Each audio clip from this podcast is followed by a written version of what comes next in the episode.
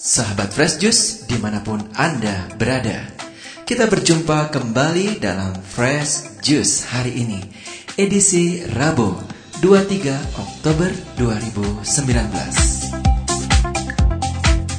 Pada hari ini kita akan mendengarkan bacaan dan renungan Yang akan dibawakan oleh Pastor Yandi Buntoro CDD dari Medan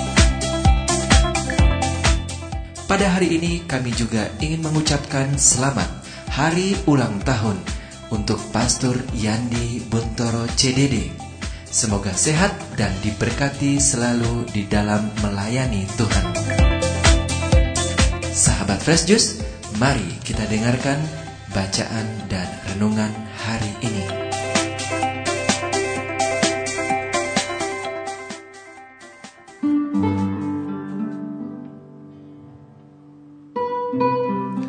Teman-teman yang terkasih, kita berjumpa lagi dalam Daily Fresh Juice. Bersama saya, Pastor Johannes Yandi Buntoro, CDD, di tempat tugas saya, Paroki Kristus Raja di kota Medan.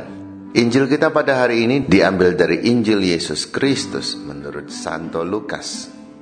Bab 12 ayat 39 sampai dengan 48. Tetapi ketahuilah ini, jika tuan rumah tahu pukul berapa pencuri akan datang, ia tidak akan membiarkan rumahnya dibongkar.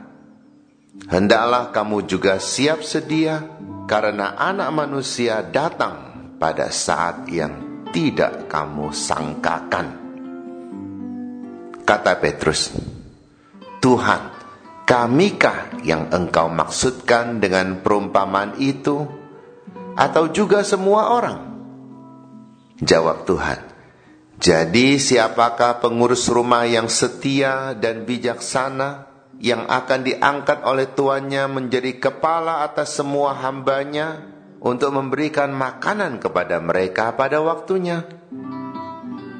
Berbahagialah hamba yang didapati tuannya melakukan tugasnya itu ketika tuannya itu datang. Aku berkata kepadamu, sesungguhnya tuannya itu akan mengangkat dia menjadi pengawas segala miliknya. Akan tetapi, jikalau hamba itu jahat dan berkata dalam hatinya, Tuanku tidak datang-datang, Lalu ia mulai memukul hamba-hamba laki-laki dan hamba-hamba perempuan dan makan minum dan mabuk. Maka tuan hamba itu akan datang pada hari yang tidak disangkakannya dan pada saat yang tidak diketahuinya dan akan membunuh dia dan membuat dia senasib dengan orang-orang yang tidak setia. Adapun hamba yang tahu akan kehendak tuannya, tetapi yang tidak mengadakan persiapan atau tidak melakukan apa yang dikehendaki tuannya, ia akan menerima banyak pukulan. Tetapi barang siapa tidak tahu akan kehendak tuannya dan melakukan apa yang harus mendatangkan pukulan, ia akan menerima sedikit pukulan.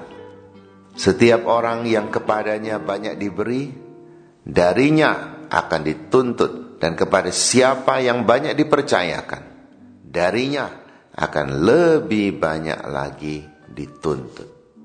Demikianlah Injil Tuhan. Menurut bahasa orang Medan, siap artinya sudah selesai.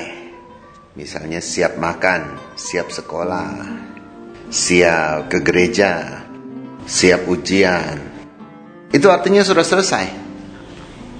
Saya sempat bingung beberapa saat karena dalam pengertian saya siap adalah baru mau mulai.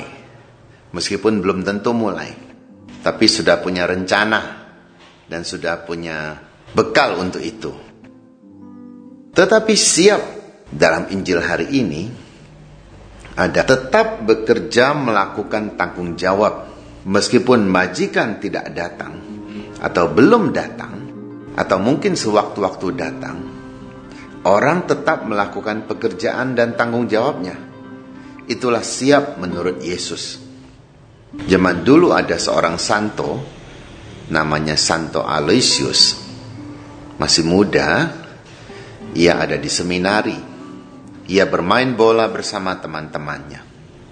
Ada orang bertanya kepada dia dan teman-temannya, "Apa yang akan kalian lakukan jika tiba-tiba saja ada berita hari kiamat akan segera tiba?" Teman-temannya menjawab, "Kami akan ke gereja, kami akan mengaku dosa, kami akan minta maaf kepada teman-teman yang sudah kami sakiti, kami akan banyak berbuat amal." Tetapi apa jawaban Alisius? saya tetap akan bermain bola. Itulah siap yang Yesus maksudkan. Tidak berbuat sesuatu dengan harapan mendapatkan hasil yang instan, tetapi tetap berkarya, entah ada hasil atau tidak, entah dipuji orang atau tidak.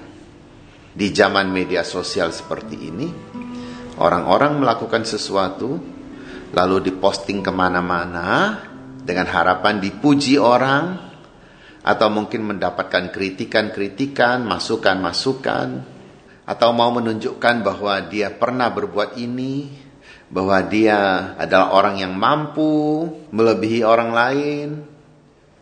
Itu namanya hasil instan. Dengan kata lain, kalau tidak ada yang memuji, kalau tidak ada yang menghargai, dia mungkin tidak akan buat lagi. Tetapi Yesus minta kita bersiap sedia Apa pun yang kita lakukan untuk Tuhan, tetaplah lakukan. Meskipun mungkin tidak dihargai orang, meskipun mungkin tidak dipuji orang, tetapi Tuhan melihat semua itu. Bahkan Tuhan mengatakan apa? Barang siapa tahu suatu hal adalah salah jika dilakukan, tetapi tetap melakukannya, maka dia akan mendapatkan pukulan. Barang siapa tidak tahu akan suatu kesalahan, tetapi ia sudah terlanjur melakukan, maka pukulan atau hukuman yang dia dapat akan lebih ringan.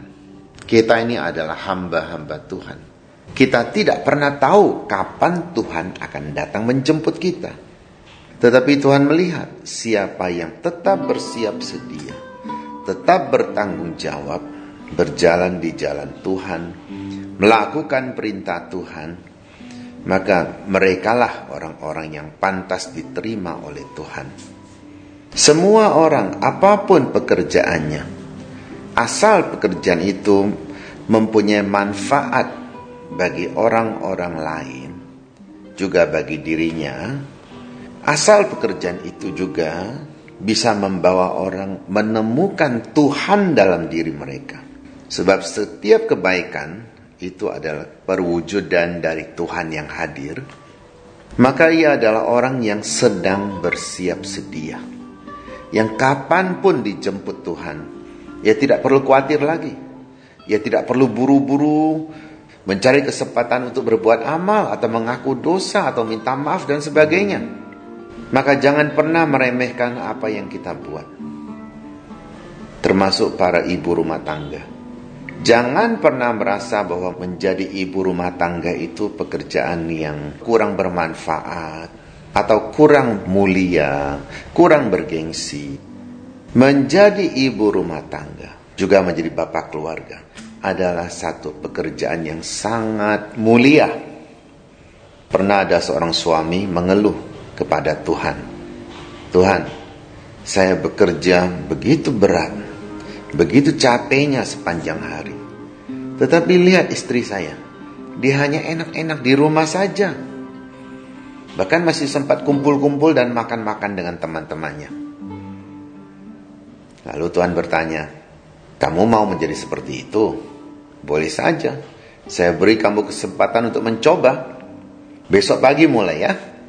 Besok pagi ketika laki-laki ini membuka mata, terbangun dari tidurnya, ia menemukan bahwa ia bukan lagi seorang bapak, melainkan dia menjadi seorang ibu rumah tangga.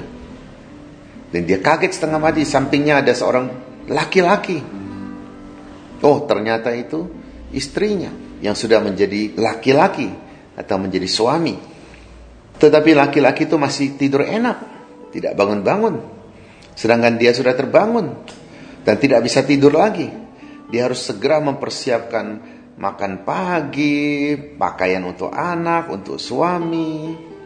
Setelah melayani mereka, dia harus mengantar anaknya ke sekolah.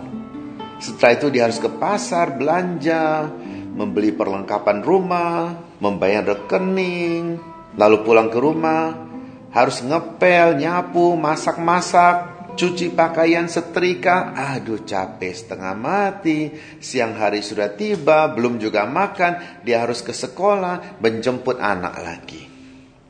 Memang ada kesempatan dia berkumpul dengan ibu-ibu yang lain. Tetapi itu pun tidak lama. Dia harus antar anaknya pulang, kemudian menemani anak belajar juga.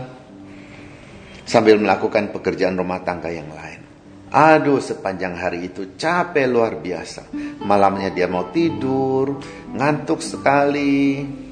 Tiba-tiba suaminya senggol-senggol dia. Bu, ada apa sih? Ini sudah malam orang mau tidur. Bu, bu, ada apa sih? Ternyata suaminya meminta sesuatu.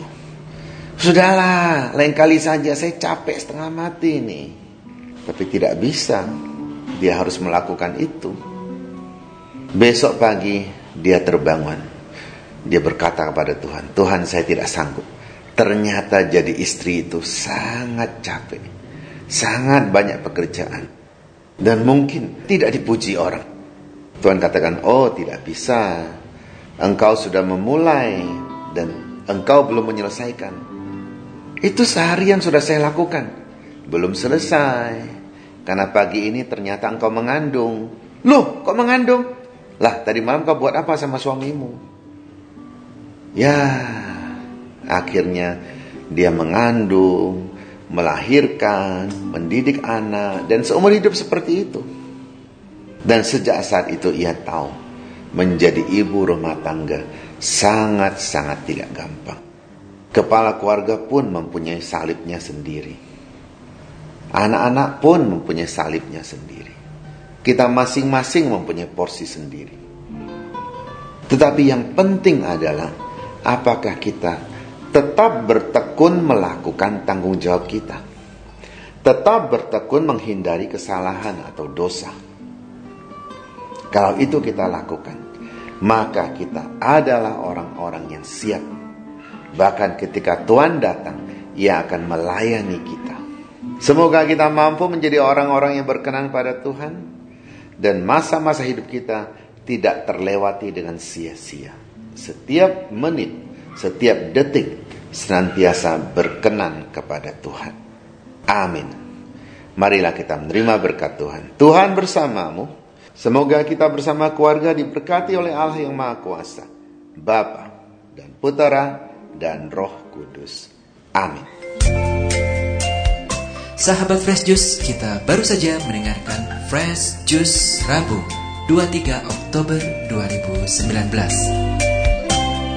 Saya Yofi Setiawan beserta segenap tim Fresh Juice mengucapkan terima kasih kepada Pastor Yandi Buntoro untuk renungannya pada hari ini.